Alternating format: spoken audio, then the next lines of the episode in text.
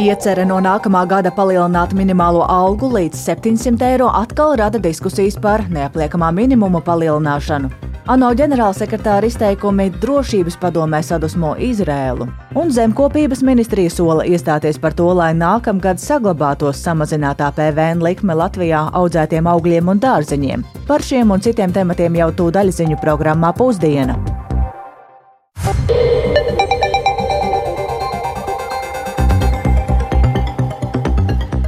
12 un 5 minūtes skanējumu sāk raidījums pusdiena ar plašāku skaidrojumu par šodienas 25. oktobra būtiskajiem notikumiem studijām Dāca Pēkšēna. Esiet sveicināti! Bērna piedzimšanas un kopšanas pabalsta apmērs nav pārskatīts desmit un vairāk gadu, un šie pabalsti neatbilst pašreizējai ekonomiskajai situācijai. Uz to norāda iedzīvotāji, portālā Mana balss LV savācot vairāk nekā 14 tūkstošus pārakstu un rosinot šos pabalstus pārskatīt. Tam piekrīt un tagad esot gatavi arī pie tā strādāt saimas deputāti. Un viņu diskusijām šodien līdzi sekoja kolēģe Paula Devica, ar kuru šajā brīdī esam sazinājušies. Sveika, Paula! Kāda tad ir tā šī brīža situācija? Atgādini, cik lieli ir minētie pabalsti un cik lieliem tiem vajadzētu būt? Jā, sveika, Dacē, labdien arī klausītāji. Tātad runa iet par diviem pabalstiem, kas ir bērnu piedzimšanas pabalsts un bērna kopšanas pabalsts. Un attiecīgi pirmais ir uh, mazliet virs 421 eiro un otrs ir 171 eiro. Un kāpēc jā, tie neatbilst ekonomiskai situācijai? Tie nav pārskatīti ļoti sen, kā tu jau minēji. Bērnu piedzimšanas pabalsts pēdējo reizi pārskatīts 2003. gadā, tātad vispār 20 gadus atpakaļ, bet kopšanas pabalsts 2014. Un uh, iniciatīvas autori aicina palielināt šo piedzimšanas pabalstu līdz 600 eiro, bet kopšanas atbilstoši reālajai ekonomiskajai situācijai valstī. Un jā, tātad šodien šo jautājumu saimā izskatīja Sociālo un darba lietu komisijā, kur sanākušie bija viensprāts, ka atbalsti ne, nav pietiekami lieli un tos nepieciešams regulāri pārskatīt. Un ieradies bija arī sadarbības platformas demogrāfisko lietu centrs vadītājs Imants Parādnieks no Nacionālās apvienības. Viņš skaidroja, ka tautas ataudzes stratēģija paredz, ka jau 2022. gadā bērnu kopšanas pabalstam bija jābūt 422 eiro, bet šogad jau virs 460.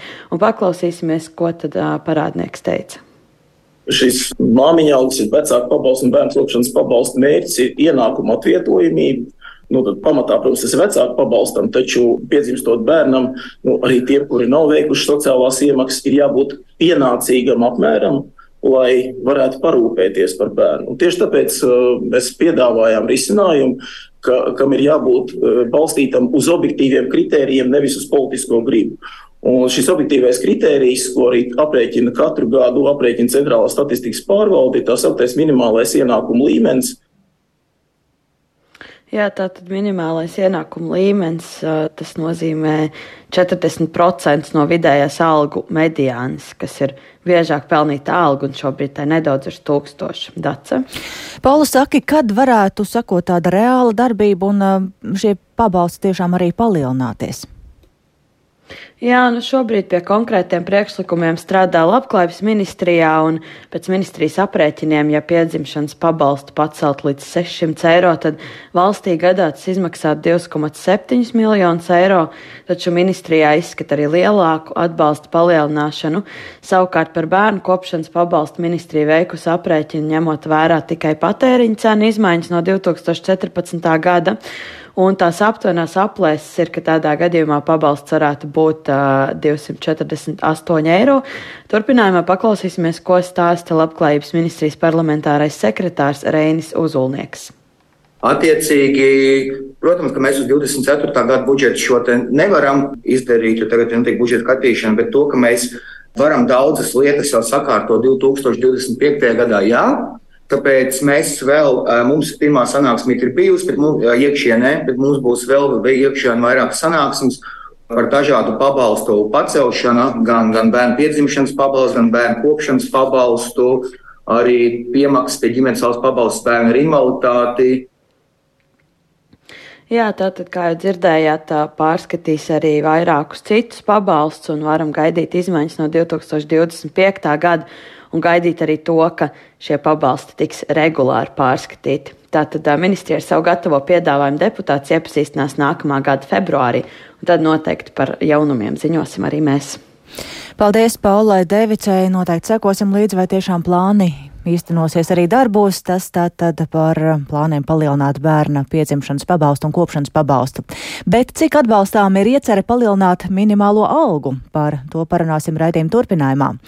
Ekonomiskajai attīstībai būtu jānodrošina to, ka uzņēmēji var darbiniekiem samaksāt lielākas algas, nevis jādara tas mākslīgi un nodokļus jāuzskata par iespēju iekasēt valstī naudu. Par to ir pārliecināts Latvijas Tirzniecības un Rūpniecības kameras prezidents Aigars Rostovskis un to viņš šorīt raidījumā labrīt sacīja maniem kolēģiem Elīnai Balskarai un Kristapam Feldmanim, paužot pārliecību, ka runājot par ieceri nākamgad minimālo mēneša algu celt līdz 700 eiro, līdzinājos 620 eiro vietām, esot svarīgi tādā pašā apjomā celt arī neapliekamo minimumu un paklausīsimies fragmentu no šī rīta sarunas ja mākslīgā veidā liek maksāt vairāk nekā tas ir ekonomiski pamatot, tad tas zināmas grūtības rada. Un vēl arī, protams, ja tas spiediens savā ziņā nāk no apakšas, tas spiediens arī ir uz citām algām, kas vienkārši izmaksas daļai palielinājums, kas daļai uzņēmumu apgrūtina saimniecisko darbību. Nu, tieši otrādi mēs vairāk sakam par neapliekamo minimumu, jo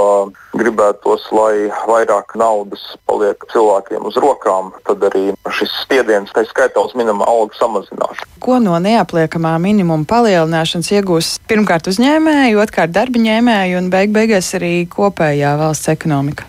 Nu, uzņēmējas skatu punkts ir tā, ja tas eh, neapliekamais eh, minimums ir lielāks, tas nozīmē, ka līdz kaut kādam zināmam apmēram cilvēkam vienkārši vairāk paliek naudas uz rokas. Nu, jo cilvēks jau skatās, jebkurā gadījumā, nu, vairāk uz neto jā, šo ienākumu. Otrs, šī sistēma, kas šobrīd ir uzbūvēta, ir relatīvi sarežģīta. Tas aprēķins ir, kas rada zināmas grūtības tur visā tajā piemērošanā un, un, un liekas stundas aprēķināšanā, jo tā ir vēl viena lieta, tas administratīvais sloks grāmatvežiem, visiem tiem rēķinātājiem tas arī ir liekas stundas jāpavada.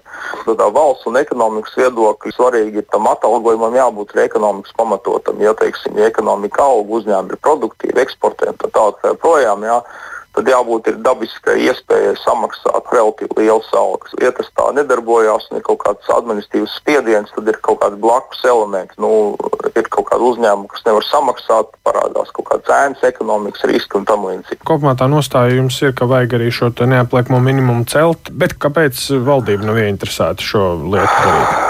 tā lielākā problēma, tāda iepriekšējā politika bijusi tāda, ka nodokļu politika vairāk tiek uzskatīta kā veids, kā iekasēt naudu. Mēs vairāk sakam, ka nodokļu politikai jābūt par cilvēku un uzņēmumu uzvedību. Jā, attiecīgi ar nodokļu politiku tu vari vienā vai otrā veidā stimulēt kaut kādas uzvedības cilvēkiem. Tas ir tā skaitā nezinu, par mazā biznesa nodokļiem, par reinvestēto peļņu, par darba spēku nodokļiem un tālāk. Tā projām. un otrajai lietai, protams, nodokļiem ir jābūt konkurētspējīgiem. Mums ir jāsaprot, ka Latvijas uzņēmēji un, un arī Latvijas cilvēki dzīvo tādā globālā vidē, un vides, tā skaitā nodokļu vides, sacenšas savā starpā. Ja, un, ja mums nodokļu režīms nav pietiekami konkurētspējīgs, tad notiek visādas blaknes. Cilvēki daļai pārceļās uz citurienu, vai kaut kādas kontas pārceļ, vai, vai kaut kā tam līdzīga, un arī investīcijas netik labi ienāk. Kā rezultātā vienkārši mūsu ekonomika nav tik laba. Ko mēs redzam, Latvija pēc 30 gadiem neatkarības ir viena no nabadzīgākajām Eiropas valstīm pieeja bieži vien līdz šim finanšu ministrijai bijusi tāda Excel veidīga sarēķina tabulā. Nu, tad, ja mēs ierakstīsim Excelī tādu ciparu, tad tāds un tāds ienākums būs, bet tas jau tā nenotiek, jo dabā cilvēki vienkārši maina savu uzvedību atkarībā no kaut kādiem administratīviem regulējumiem. Tālūk uzskata Latvijas Tirzniecības un Rūpniecības kameras prezidents Aigars Rostovskis, un, ja runājam par neapliekamo minimumu, tad to celt aicina arī Brīvo arotbiedrību savienība. Tikmēr Finanšu ministrija skaidro, ka tas ir viens no nodokļu darba grupas jautājumiem, taču līdz ar valdības maiņu konkrēti lēmumi ir paredzēti līdz nākamā gada aprīlim. Un plašāk par šo jautājumu interesējās kolēģis Inti Ambote, kura šobrīd mums pievienojas tiešraidē. Sveiks, Intija! Saki, jā, ko par minimālās algas un neapliekamā minimuma celšanu saka citi sociālie partneri? Tu esi aptaujājis viņus. Jā, arī Brīvo arotbiedrību savienības vadītājs Egils Baldzēns atkārtoti aicina vienlaikus celt gan minimālo algu, gan neapliekamo minimumu. Arī pērnu Latvijā algu palielināja līdz esošajiem 620 eiro, bet šo te minimumu nepaukstināja. Tas šobrīd ir 500 eiro mēnesī. Tikmēr Lietuvā, Lietuvā un Igaunijā tas ir jau pieaudzis un pieaugs arī nākošajā gadā. Arotbiedrību savienība tātad arī iepriekš rosinājusi šo neapliekamo minimumu Latvijā celt līdz 700 eiro. Varam paklausīties Baldzēnu komentāru. Tātad praktiski Igaunijā viņš būs 654 un atkal uh, Lietuvā viņš arī tika pacelts, ja nemaldos, par 20%, un realitāte minimālā alga neto izteiksmē, pateicoties gan minimālās algas kāpumam, gan neapliekamām minimumam, pieaug par 76 eiro. Mēs no savas puses gribētu uzsvērt, mums ļoti interesētu, lai neapliekamais minimums tiktu paaugstināts arī vidējai darba samaksai. Tā izskaitā tas nozīmē to, ka ja šobrīd 1800 eiro mēnesī un tad vairs nav ne santīma neapliekamā minimumā, vajadzētu viņu paaugstināt paaugstināt līdz 2800.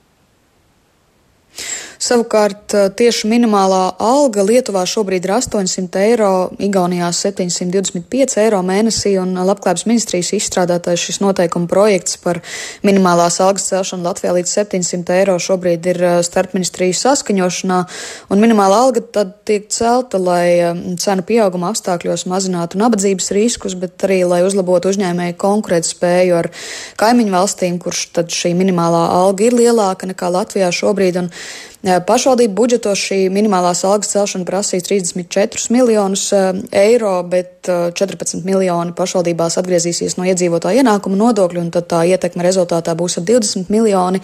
Un pašvaldības savienība arī norāda, ka neatliek, neapliekamā minimuma celšana jāizdiskutē, bet ne pēdējā brīdī budžeta pieņemšanas laikā. Baldzēns saka, ka šīs sarunas vienlaikus arī par neapliekamā minimuma celšanu bijušas jau ar iepriekšējo valdību, bet tas process ir iekavējies mainoties valdībai. Finanšu ministrijas pārstāvis Aleksis Jerotskis norāda, ka arī šobrīd tas ir dienas kārtībā un varam paklausīties par to pašreizējo virzību. Skaidrs, ka neapliekama minimuma pārskatīšana ir arī fiskāli ietilpīgs pasākums. Un tu ļoti rūpīgi izvērtēs, ka arī raudzīsies, kādi varētu būt iespējami finansējuma avoti, lai nodrošinātu neapliekumu minimumu pārskatīšanu. Tā kā darba grupai uzdevums būs izskatīt līdz nākamā gada aprīlim, lai valdība turpmāk varētu pieņemt lēmumu par nodokļu pamatnostādņu sagatavošanu 24. un 27. gadam, kurā būs viens no svarīgākajiem arī jautājumiem arī neapliekumu minimumu pārskatīšana. Iepriekšējās, vēl jāpiebilst, ka iepriekšējās valdības koalīcijas un sociālo partneru darba grupai bija jāsagatavo šis informatīvais ziņojums par nodokļu pamatnostādņu sagatavošanu līdz šī gada beigām, bet tad tagad, kā dzirdējām, to starp arī kādu lēmumu par neapliekamā minimuma celšanu varētu būt uh, līdz aprīlim. Dace? Paldies par šo skaidrojumu Sintijai Ambotai, un mēs šobrīd turpinām ar notikumiem, kas ir saistīti ar vienu no šī brīža pasaules karstajiem punktiem. ANO ģenerālsekretārs Antonio Guterres drošības padomē ir apgalvojis, ka Gāzes joslā tiekot pārkāpti starptautisko tiesību akti, tāpēc mudināja nekavējoties pārtraukt joslas bombardēšanu. Asi uz šiem ģenerālsekretāra izteikumiem ir reaģējusi Izrēla, tās vēstnieks ANO ir aicinājis Guterrešu atkāpties no amata. Tikmēr pašā Gāzes joslā humanitārā situācija aizvien pasliktinās un drīz varētu beigties degviela, apdraudot slimnīcās esošo pacientu pacientu dzīvību un iespējas iegūt dzeramo ūdeni. Plašāk stāsta Rihards Plūme. ANO ģenerālsekretārs Antoniju Guterres ANO drošības padomē izteicies, ka Gazas joslā tiek pārkāptas starptautiskās humanitārās tiesības. Viņš nosodījis gan teroristiskā grupējuma Hamas īstenoto cilvēku izmantošanu kā vairogu, gan Izrēlas īstenoto Gazas joslas bombardēšanu. Nekas nevar attaisnot civiliedzīvotāju apzinātu nogalināšanu, ievainošanu un nolaupīšanu vai raķešu palaišanu pret civiliem mērķiem. Pret visiem ķilniekiem jāizturas humāni un nekavējoties un bez nosacījumiem tie jāatbrīvo. Ir svarīgi arī atzīt, ka Hamas uzbrukumi nenotika vakumā. Palestīniešu tauta ir bijusi pakļauta 56 gadus ilgai smacējošai okupācijai. Neapmierinās ar ANO ģenerālsekretāra runu drošības padomē bija Izraēlas vēstnieks Gila Cerdans. Viņš nosodīja Gutēreša runu, nosaucot viņa izteikumus par šokējošiem un viņa uzskatus par amorāliem. Izraēlas vēstnieks aicināja Gutērešu atkāpties no amata savu kritisko izteikumu dēļ. Uz Gutēreša izteikumiem reaģēja arī Izraēlas ārlietu ministrs Elī Koens, kurš atcēla savu plānoto tikšanos ar ģenerālsekretāru Ņujorkā. There is not two sides at this moment. Šobrīd nav divu pušu. Ir tikai viena puse, kuru Islāma valsts agresijas priekšā atbalstītu. Tāpēc es nolēmu šodien vēlāk atcelt tikšanos ar ģenerālsekretāru. Ja visas tautas neturēsies pie ANO statūtos aprakstītās pamatvērtības, cilvēces pamatvērtības, šī būs vistumšākā stunda. Apvienoto nāciju organizācijas tumšākā stunda jūsu vadībā, sekretāra kungs, un šai vietai nebūs morāla pamatojuma pastāvēt. Humanitārā situācija Gazas joslā strauji turpina pasliktināties, īpaši trūks degviela, kas tuvāko pāris dienu laikā beigsies. Tas var nozīmēt daudzu slimnīcās esošo pacientu, to starp jaundzimušo nāvi, jo ģeneratori, ar kuriem tiek nodrošināta elektrība, pārstās darboties. ANO palīdzības darbinieki brīdinājuši, ka viņiem degviela beigsies jau tuvāko 24 stundu laikā. Izraēlas militāra personas apsūdz Hamas, ka grupējums veido sev degvielas krājumus. Humanās palīdzības piegādes, kurās degviela netiek ietverta, nespēja tikt līdz lielajam pieprasījumam. Līdz šim caur Rafāhas robežu punktu, kas atrodas uz Ēģiptes un Gāzes joslas robežas, iebraukušas trīs palīdzības autokolonnas. Turpina ANO ģenerālsekretārs. Esmu dziļi noraizējies par nepārprotamajiem starptautisko humanitāro tiesību pārkāpumiem, ko mēs novērojam Gazā. Ļaujiet man pateikt skaidri, neviena puse bruņotā konfliktā nav augstāka par starptautiskajām humanitārajām tiesībām. Par laimi humānā palīdzība beidzot nonāk Gazā, taču tā ir palīdzības lāsa vajadzību okeānā. Turklāt mūsu ANO degvielas krājumi Gazā beigsies dažu dienu laikā. Lai atvieglotu episkās ciešanas, padarītu palīdzības piegādi vieglāku un drošāku un atvieglotu ķilnieku atbrīvošanu, es atkārtoju savu aicinājumu, nekavējoties noslēgt humāno pamieru Humāno situāciju tagad savā labā mēģinās izmantot grupējums Hamas. Gazas joslā joprojām atrodas vairāk nekā 220 ķīlnieku. Līdz šim ir atbrīvoti vien četri cilvēki, taču citus ķīlniekus Hamas negrasās atbrīvot, ja vien Gazas joslā netiks piegādāti medikamenti un degviela. Tā intervijā ziņo aģentūrai DPA apliecināja Hamas politbiroja loceklis un pārstāvis Libānā Osama Hamdans. Izrēlai arī esot jāizbeidz uzbrukumi Gazas joslai, lai nolaupītos cilvēkus varētu atgriezt. Lai gan daudzas valstis, tostarp pati Izrēla, joprojām noraida aicinājumus uz pamieru Gazas joslā, tomēr pēdējo dienu laikā izskanējuši daudzi aicinājumi Izrēlas un Hamas karā izsludināt vismaz humāno pamieru. Tos pauduši ne tikai ANO ģenerālsekretārs, bet arī Spānijas un Francijas līderi. Rihards Plūme, Latvijas radio. Un tad, atgriežamies pašmājās, no nākamā gada paredzēts atcelt Latvijā audzētiem augļiem un dārziņiem šobrīd piemēroto samazināto pievienotās vērtības nodokļa likmi 5% un atkal atgriezties pie 21% nodokļa. Un tas sitīšot pa kabatu visām pusēm un to izjutīšot arī pircēji, tāpēc šodien Latvijas augļu un dārzeņu tirgotāju asociācijas pārstāvi tiekoties ar zemkopības ministru Armandu Krauzi no Zaļo un Zemnieku savienības lūdza to nepieļaut. Un šīm sarunām sarunām sekoja līdzi kolēģe Ieva Puķe. Viņa šobrīd pievienojas studijās. Sveika, Ieva! Un es uzreiz arī vaicāšu, kāda ir šobrīd tā zemkopības ministra nostāja. Iepriekš viņš tā kā solīja iestāties par to, bet minēja, ka agrāk pa 25. gadu tas nebūs iespējams. Kāda ir tā šī brīža sistēma? Jā, labdien, Dārts, labdien, klausītāji. Es arī šo jautājumu ministram pēc šīs tikšanās uzdevu tieši, jo par to bija spekulācijas. Vēl ar, no rīta runājot ar vienu no dārzeņa audzētājiem, viņš man teica, ka ministrs neaizstāv nozari un kā, kā tas var būt. Klausieties, ko man atbildēja Armāns Krause no Zaļo un Zemnieku savienības. Jūs uzskatāt, ka jāsaglabā samazinātā likme? Mans viedoklis ir, ka ne tikai augļiem un dārzeņiem vajadzētu, jo vajadzētu pamata pārtiks produktiem. Tas ir augļu dārzeņi, piens, maize un arī gaļas produkti. Tie ir tie, kuriem vajadzētu būt samazinātai likmei. Ministrs man atgādināja, ka pirms nepilniem sešiem gadiem tieši Zaļo un Zemnieku savienība bijusi tā, kas ir iestājusies, lai tiktu ieviesta šī samazinātā PVN likme. Un mērķis ir bijis izskaust pelēko tirgu, atbalstīt zemniekus un arī samazināt cenas iedzīvotājiem. Eh, rezultāts esot nācis par labu ražotājiem, eh, bet cenu samazinājumu veikalos gan ministrs tā īsti pats nesot izjutis. Viņš stāstīja, ka jau vasarā bija jāuzsāk diskusijas, vai šī likme ir jāatbalsta jāatstāj samazināta, eh, jeb notiek atgriešanās pie 21% likmes. Eh, un eh, tas nav noticis. Un valsts esot ieplānojusi jau no nākamā gada janvāra ieņēmumus paaugstinot likmi. Viņš teica, ka šis ir noticis tāpēc, ka bija valdības maiņa un zemkomī, zemkopības ministrija valdībā ir iesniegusi informatīvo ziņojumu par konsekvencēm, bet tas nav ticis izskatīts. Um, es satiku arī Uldi Jaunzemu, Latvijas augļu un dārzeņu tirgotāju asociācijas valdes priekšsēdētāju, un, vēlreiz jautāju viņam, kādi tad ir tie argumenti, kāpēc, ka, uh, kāpēc likme ir jāatstāj samazināta. Klausieties! Argumenti ir vairāk.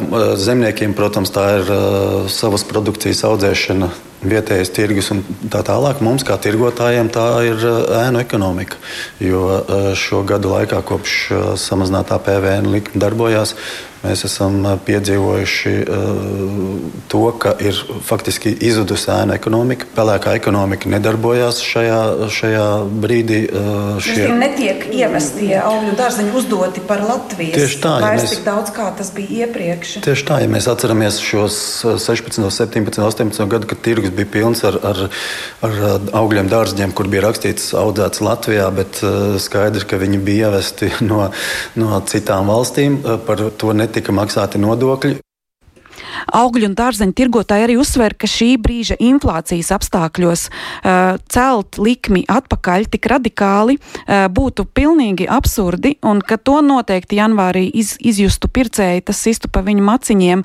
Atgādināšu, ka ir uzsākta arī iniciatīva platformā Mana balss, lai atstātu pazemināto likmi augļiem un dārzeņiem. Paldies Ievai Puķai par šo skaidrojumu. Sekosim šim noteikti līdzi, bet um, tieši aktīvo iedzīvotāju dēļ Smiltenes novadā ir izdevies nosargāt mēru mūžu, neļaujot pašvaldībai to pārdot izsolēm. Pēc asām iedzīvotāju iebildēm lēmuma projekts ar četrām deputātu balsīm par, deviņām pret pašvaldībā tika noraidīts, līdz ar to iedzīvotāji tagad izstrādā priekšlikumus ēkas apsaimniekošanai. Un to, kādi ir iedzīvotāju plāni par to, kā ir jāizskatās mūžai, par to vairāk vidzemes korespondentes Guntas Matisons ierakstā. Šis īpašums ir mēru ciema pašā centrā. Tas ir tā, ja tas jaunais īpašnieks uzliek sētu, viņš izgriež mēru ciema sirdi ārā, un viņa nav publiski pieejama vispār. Ar Signi Boku, vienu no aktīvajām Smiltenes novada iedzīvotājām, tiekamies mēru muižā. Signi stāsta, ka šī bija viena no vietējo cilvēku galvenajām bažām, ka muiža un tās parks vairs nebūs publiski pieejami, kā arī kas notiks ar novada muzeju, kuram šobrīd mājvieta ir muiža sēkā. Tad arī tika lēmts, ka jāaicina uz kopīgu sarunu vietējie cilvēki un deputāti. Tā, man liekas, kaut ko tādu Smiltenes novads vēl nebija piedzīvojis vispār. Bija pilna zāle. Tad mēs lūdzām viņus dot laiku, sagatavot mums kā iedzīvotājiem to redzējumu. Un tie pārmetumi, kas notika šajā iedzīvotāju tikšanās laikā ar domas deputātiem, kur mēs bijām šos 14 gadus no tā 2009. gada, kad šeit tika likvidēta Birzuļa pamatskola, nu, tas neiztur kritiku. Šeit Beiru mužā bija Smiltens novada muzejs.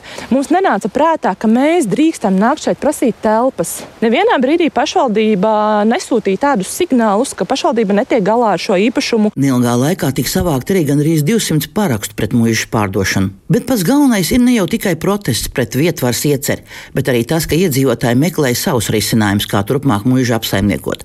Par šiem priekšlikumiem vairāk stāsta Alisa Millere, kur arī aktīvi iesaistījās pret mužu pārdošanu. Mēs esam atraduši jau interesantus nomniekus, kuri ir gatavi aizpildīt mūžas tukšās telpas, maksāt nomas maksu. Mēs vēlamies dibināt iedzīvotāju biedrību mēra mūžas attīstībai, kurā rakstīs projektus un vāks finansējumu kapitāliem ieguldījumiem. Vēl mēs uzskatām, ka mužai būtu vajadzīgs kārtīgs pārvaldnieks. Gan Alisai, gan Signai ir arī savs iecers par telpu nomu.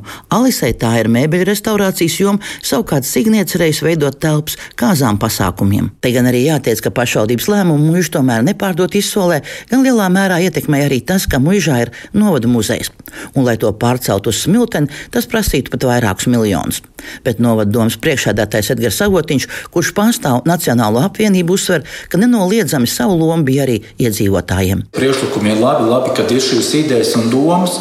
Mums jau nav iebildumi pret kāda uzņēmēja darbības veida attīstīšanu tieši šajā objektā. Vienkārši mēs līdz šim nu, neesam saņēmuši tādu pastiprinātu interesi par to, ka kāds vēlētos izmantot šo objektu. Tagad kopā ar vietējiem uzņēmējiem ir jāspēr nākamais solis, domājot par muīšu apsaimniekošanu. Gunta Matisona Latvijas Rādio vidzemē. Un ar to arī izskan raidījums pusdiena, ko producēja Lauris Zvejnieks, ierakstus montēja Kaspars Groskops. Par to, lai tas viss varētu izskanēt ēterā, rūpējās Rīta Karnača un ar jums sarunājās Dāca Pēkšāna.